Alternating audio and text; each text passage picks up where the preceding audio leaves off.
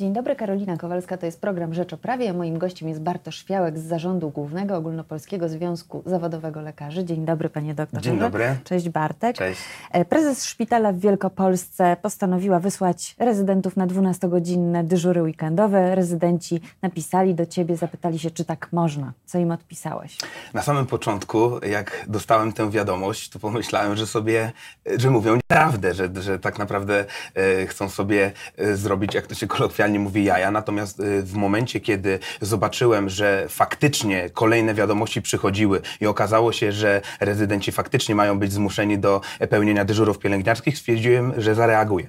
E, Na początku powiedziałem, żeby no nie godzili się na to, ponieważ pielęgniarka ma prawo wykonywania zawodu, lekarz ma prawo wykonywania zawodu. Innego Te prawa zawodu. wykonywania zawodu się różnią, są różne kompetencje, więc w momencie, kiedy lekarz zgodziłby się na pełnienie dyżuru, e, medy, dyżuru medycznego pielęgniarskiego, to mogłoby się okazać, że w momencie, kiedy cokolwiek poszłoby nie tak, lekarz by odpowiadał i zawodowo, i prawnie. Udało mi się na moich mediach społecznościowych, od, bo od razu nagłośniłem tę sprawę, bo okazuje się, że jest to wynik, bezpośredni wynik tych niedoborów kadrowych, które są widoczne we wszystkich, w całym zespole, le, w całym zespole medycznym, czyli y, i u lekarzy, i u pielęgniarek, i u ratowników medycznych, i u diagnostów laboratoryjnych. Wszystkich jest za mało i ten wynik, jako wynik tych niedoborów kadrowych, próbujemy łatać dziury i teraz dochodzi do tego, że rezydentami, czyli pełnoprawnymi lekarzami, y, niedobory kadrowe pielęgniarskie. Ja myślę, że nikt pielęgniarek by nie zachęcał do tego, żeby pełniły e, e, dyżury lekarskie. Dlaczego myśli się, że rezydent, czyli lekarz jest w stanie wykonać wszystkie czynności pielęgniarskie? Znaczy, wydaje mi się, że to jest podejście zarządcy, który, któremu nie wydaje się, że lekarz rezydent da radę. Tylko zarządca po prostu chce, aby był zapełniany grafik. I niestety w naszych szpitalach, i to muszę z przykrością stwierdzić, jest wielu zarządców, są też oczywiście bardzo dobrzy, ale jest gros zarządców, którzy chcą tylko i wyłącznie, aby wszystko się zgadzało na papierze. To znaczy, mają być pielęgniarki, niezależnie czy to są pielęgniarki, czy to są lekarze. Jeżeli ma być obsada na przykład dwuosobowa, to niech to będzie lekarz i pielęgniarka, żeby tylko było zaopatrzenie e, tego pacjenta. I tutaj pojawia się bardzo duży kłopot, bo w momencie, kiedy nie można czegoś obstawić, ja wychodzę z takiego założenia, warto by było, aby poinformować o tym odpowiednie instytucje i ewentualnie zawiesić pracę oddziału, a nie ryzykować życiem pacjenta, że lekarz rezydent, który nie ma zielonego pojęcia, jak wykonuje się zawód pielęgniarki, będzie ten zawód wykonywał i będzie opiekował się pacjentami nie przez zakres swoich kompetencji, tylko przez widzimisię zarządcy s- szpitala. A czy to nie jest tak, że wydaje się powszechnie, że lekarz umie zrobić zastrzyk, umie, nie wiem, może po, poprawić poduszki pa- pacjentowi i dlatego się nadaje na pielęgniarkę? Pielęgniarka wykonuje zdecydowanie szerszą pracę, zdecydowanie bardziej potrzebną pracę niż to kolokwialne zrobienie zastrzyku czy wyjęcie e, poduszki spod głowy. Więc jest to tak istotna praca pielęgniarek w systemie i robią tak dużo, łącznie z dawkowaniem leków, z realizacją zleceń, z przygotowaniem tych leków, że nie ma możliwości, aby nawet dobrze wyszkolony lekarz zastąpił pielęgniarkę, tak samo jak nie ma możliwości, żeby pielęgniarka w 100% zastąpiła lekarza. To są dwa osobne zawody, one mogą się uzupełniać, ale nie ma możliwości, żeby y, jeden zastępował całkowicie drugi. Jak się skończyła ta sprawa?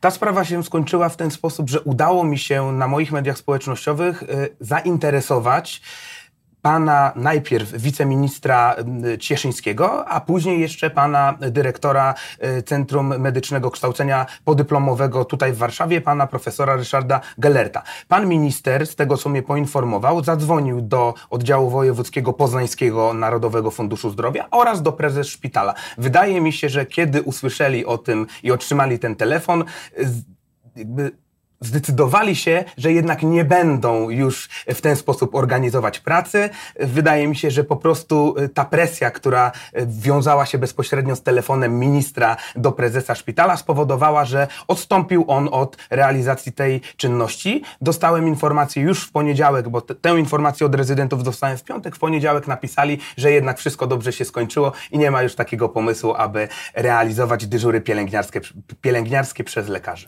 To może wydawać się śmieszne, śmieszne, ale rozumiem, że tego typu propozycje wobec lekarzy są nagminne i to nie, nie jedyny rodzaj. Jakie jeszcze dziwne propozycje padają wobec lekarzy? Padają takie propozycje na przykład, że lekarze mają dyżurować w dwóch miejscach naraz i my to mieliśmy. No to są rzeczy, które są nierealne do spełnienia, bo nie jestem w stanie opiekować się moimi pacjentami i pacjentami na przykład innego oddziału, w tym wypadku szpitalnego oddziału ratunkowego, gdzie co do zasady ci pacjenci wymagają bezpośredniej reakcji i bezpośredniego działania. I to jest najgorsze, że po prostu albo pracujemy niezgodnie z kompetencjami, czyli na przykład lekarz rezydent interny ma obsługiwać onkologię kliniczną.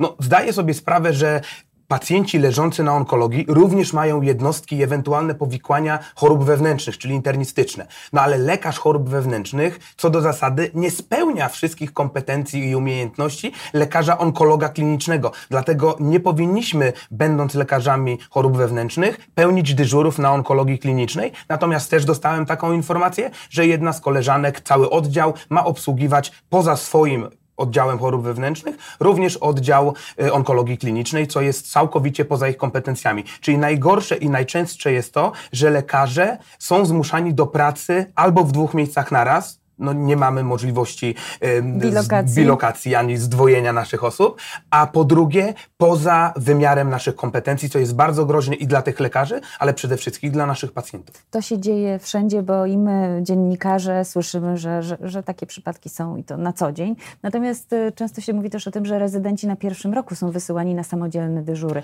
są gdzieś zostawiani. To też się dzieje. Czy da się coś z tym zrobić? To też się dzieje. Ja powiem szczerze, że ja jako rezydent pierwszego roku już po trzech miesiącach miesiącach dyżurowałem samodzielnie e, w klinice reumatologii, czyli w miejscu moim macierzystym, w którym odbywam program specjalizacji.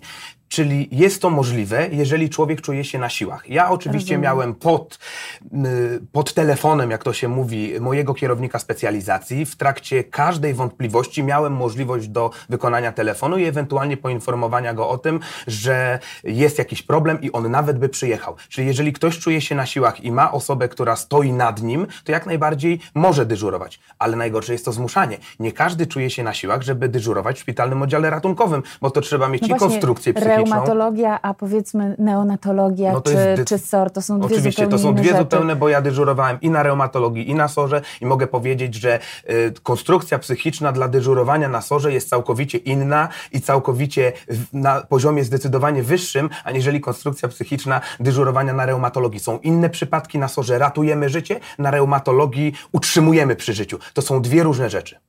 I też y, spokój jest no zdecydowanie większy spokój na, na, na prawda? szpitalnym oddziale ratunkowym tak naprawdę nie można nawet odpocząć. Ciężko muszę wyszarpać chwilę, aby móc wykorzystać albo wykonać moje czynności fizjologiczne, y, czy na przykład zjeść jakiś posiłek. To jest o, bardzo trudne, natomiast na reumatologii mam tę możliwość. Y, nie wiem, czy dobrze liczę, ale wydaje mi się, że już trzeci miesiąc działa y, specgrupa zapobiegająca mobbingowi wśród lekarzy. Ogłosiłeś, że tworzysz taką grupę, dałeś adres mailowy, można też do ciebie pisać na Facebooku. I jak dużo lekarzy do ciebie pisze i informuje Bardzo dużo, natomiast takie sprawy, które faktycznie spełniałyby kryteria mobbingu, to są sprawy naprawdę jednostkowe, bo mobbing musi mieć ten wymiar czasowy, to znaczy musi trwać to nękanie i to się zdarza rzadko, bo najczęściej jest tak, że się wyzwie na przykład i to jest bardzo złe. Wyzwie się rezydenta, yy, yy, będzie się na niego krzyczeć, yy, będzie się mu obliżać. Takie rzeczy się zdarzają, ale to są zdarzenia jednostkowe i niestety nie spełniają one kryteriów mobbingu. Często też mamy informacje, dostaję informacje, że rezydenci nie mogą realizować programu specjalizacji, że ograniczane im są urlopy wypoczynkowe, czyli de facto prawo pracownicze że ograniczone im są możliwości odbywania kursów specjalizacyjnych albo staży kierunkowych, czyli de facto konstrukcji, które są konieczne, czy przedmiotów, które są konieczne do realizacji szkolenia specjalizacyjnego. Czyli utrudnia się i męczy tych biednych lekarzy rezydentów, którzy mają wejść do systemu i być lekarzami, którzy będą zastępować naszych starszych kolegów. Oczywiście jest, są to rzeczy y, liczone na przykład no, kilkadziesiąt rzeczy, a wiadomo, lekarzy rezydentów jest 20 tysięcy, więc większość naszych przełożonych to dobrzy lekarze, którzy z nami współpracują. Ja mam na przykład bardzo dobrego przełożonego i nie mówię dlatego, że będzie to oglądał, tylko dlatego, że faktycznie tak jest. Ale są też lekarze pojedynczy, którzy naprawdę bardzo źle traktują swoich młodszych kolegów, nie traktują ich przez pryzmat kolegów, tylko przez pryzmat taki paternalistyczny, czyli że jest osoba bardzo ważna, lekarz y, specjalista i osoba praktycznie w ogóle nieważna, czyli lekarz rezydent, który jest od wszystkiego i tak naprawdę od niczego i ma się tylko uczyć i wykonywać polecenia lekarza specjalisty. O Twojej historii usłyszała cała Polska, było o niej głośno. Ty masz konstrukcję y, psychiczną bardzo mocną, nie tylko jako lekarz sorowy, ale także jakaś osoba pomyślała, że można z tobą tak postępować, jak, ta, jak ten specjalista, o którym e, powiedziałeś. Um, uratowało cię, uratował cię nie tylko charakter i odwaga, ale także to, że byłeś związkowcem. Czy radziłbyś lekarzom, jednak rezydentom, żeby wstępowali do związku zawodowego? Czy to, jest, czy to daje pewną ochronę? Dziękuję za komplement e, na początku. Prawda, no. E, ale to trzeba podziękować, bo to traktuję jako komplement. Natomiast jeżeli chodzi o związek zawodowy, to ja uważam, że większość lekarzy, i to pokazują inne kraje, w których relacje pomiędzy lekarzami są naprawdę fajne i w których wykonywanie zawodu lekarza jest bardzo dobre. Na przykład kraje skandynawskie czy kraje Beneluxu. Tam uzwiązkowienie zaczyna się od 50% w górę, czyli ponad połowa lekarzy należy do związku zawodowego. W Polsce jest to około 10% to też może tłumaczyć, dlaczego tak źle traktujemy się nawzajem i dlaczego nie jesteśmy w stanie uzyskać dla nas i dla naszych pacjentów lepszych warunków i lepszego systemu opieki zdrowotnej. Dlatego ja zawsze będę apelował do moich kolegów, aby dołączyli się do związku zawodowego, ponieważ gdybym nie był w związku zawodowym, bardzo duże istnieje prawdopodobieństwo, że nie byłbym już dalej lekarzem rezydentem i nie pracowałbym w szpitalu, w którym pracuję. Jedyna i ogromna pomoc, oczywiście poza e, pomocą taką formalną z Izby, Jedyną pomoc otrzymałem od związku zawodowego, od prawnika związku zawodowego yy, i, i, finansowo również zostałem wsparty po tym, jak mnie odsunięto od dyżurów w szpitalnym oddziale ratunkowym. Te narzędzia i te możliwości, które mi dysponuje związek zawodowy lekarzy są niesamowite i one dają po prostu ogromną dozę poczucia takiego spokoju. Ja jestem, będąc w związku zawodowym, spokojny, bo wiem, że nic, co ewentualnie mogłoby mi grozić dyscyplinarnym zwolnieniem, nie robię, natomiast nie jestem, nie mogą mnie zwolnić w momencie, kiedy staję w słusznej sprawie albo staje e, po stronie słabszego no właśnie, czy po bo stronie tak lekarza. W twojej, w, twojej sytuacji, prawda? Tak e, Zwróciłeś uwagę jako związkowiec, jako szef związku zawodowego w swoim szpitalu na to, że łamane jest prawo. Tam chodziło o podwójne dyżury. O właśnie o pracę w dwóch miejscach naraz, czyli w macierzystej jednostce i w szpitalnym oddziale ratunkowym, często oddalonym o kilkaset metrów, bo są dwa budynki w tym szpitalu, więc trzeba by było biec na przykład z kardiologii do SOR-u, czyli po, pokonać mniej więcej 100-200 e, metrów, co jest no, no niemożliwe. I dyrektor zaczął cię szykanować, grożąc zwolnieniem, prawda? Najpierw y, nie chciał w ogóle y, na ten temat rozmawiać, natomiast jak zgłosiłem zawiadomienie do Państwowej Inspekcji Pracy, czyli do organu, z którym ja jako przewodniczący Związku Zawodowego Lekarzy mam prawo, a nawet obowiązek współpracować. Więc wykonałem standardową czynność, Państwowa Inspekcja Pracy zapowiedziała kontrolę i na bazie tego zostałem wezwany do pana dyrektora, który używając inwektywów, grożąc mi, ośmieszając mnie, próbował po prostu wywrzeć na mnie taką presję, która by sprawiła, że ja bym przestał działać. Udało pomógł mi się. Związek również. Pomógł, no, w tym zakresie pomógł przede wszystkim związek zawodowy, formalnie Izba Lekarska, natomiast tak po prostu po ludzku czyli i finansowo, i prawnie, e, i mentalnie pomógł mi związek zawodowy. Dlatego ja mam duży dług i wdzięczności e, dla związku zawodowego i dlatego pewnie jest ta specgrupa, bo ona powstała na kanwie właśnie tej mojej sytuacji, gdzie wszyscy się do mnie zgłaszali i mówili Bartek, ja mam tak samo. To jest jedna rzecz. I również na kanwie tego, że no gdyby związek mi nie pomógł, to naprawdę nie byłbym, wydaje mi się, że nie mógłbym kontynuować pracy w tym szpitalu yy, i nie byłbym już dalej lekarzem i nie, wy, nie odbywał specjalizacji, którą tak bardzo lubię i tak bardzo lubię moich pacjentów, czyli reumatologii, która jest też bardzo rzadką specjalizacją i bardzo ciężko do tego reumatologa się dostać.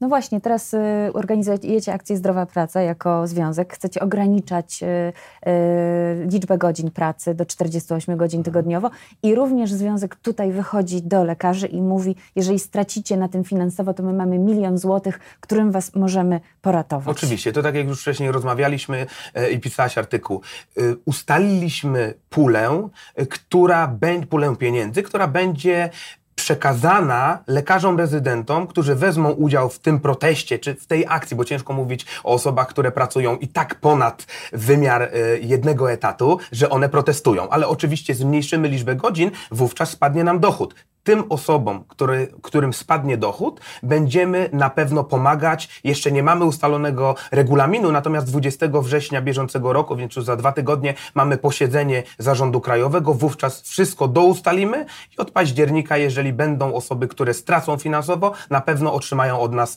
pomoc, bo to milion złotych jest przeznaczone bezpośrednio właśnie dla Czy nich. lekarze o tym wiedzą, czy trzeba ich jeszcze o tym Na pewno będziemy musieli zwiększyć e, nasze zasięgi, to znaczy dotrzeć do jak największej liczby lekarzy, ponieważ ostatnio było to zdecydowanie niezbyt dużo tych lekarzy, skorzystało około 30-40 osób. Wydaje mi się, że to wynika z dwóch rzeczy. Z tego, że my nie dopełniliśmy wszelkich należytej staranności, żeby wszystkich poinformować, natomiast niestety, i to obserwuję jeżdżąc teraz po Polsce i organizując spotkania, że lekarze nie do końca również są zainteresowani e, czymś innym, aniżeli tylko wykonywaniem zawodu lekarza. I tutaj jest po prostu ten kłopot. Finansami oczywiście byliby zainteresowani, gdyby wiedzieli, ale żeby wiedzieć, to trzeba się zainteresować również akcjami Związku Zawodowego, które dla wielu są nieistotne i przez to wydaje mi się, że nie zostali poinformowani i nie wiedzieli. To życzę y, powodzenia w przekonywaniu i w docieraniu do jak największej liczby lekarzy. Dziękuję bardzo za rozmowę. Dzięki.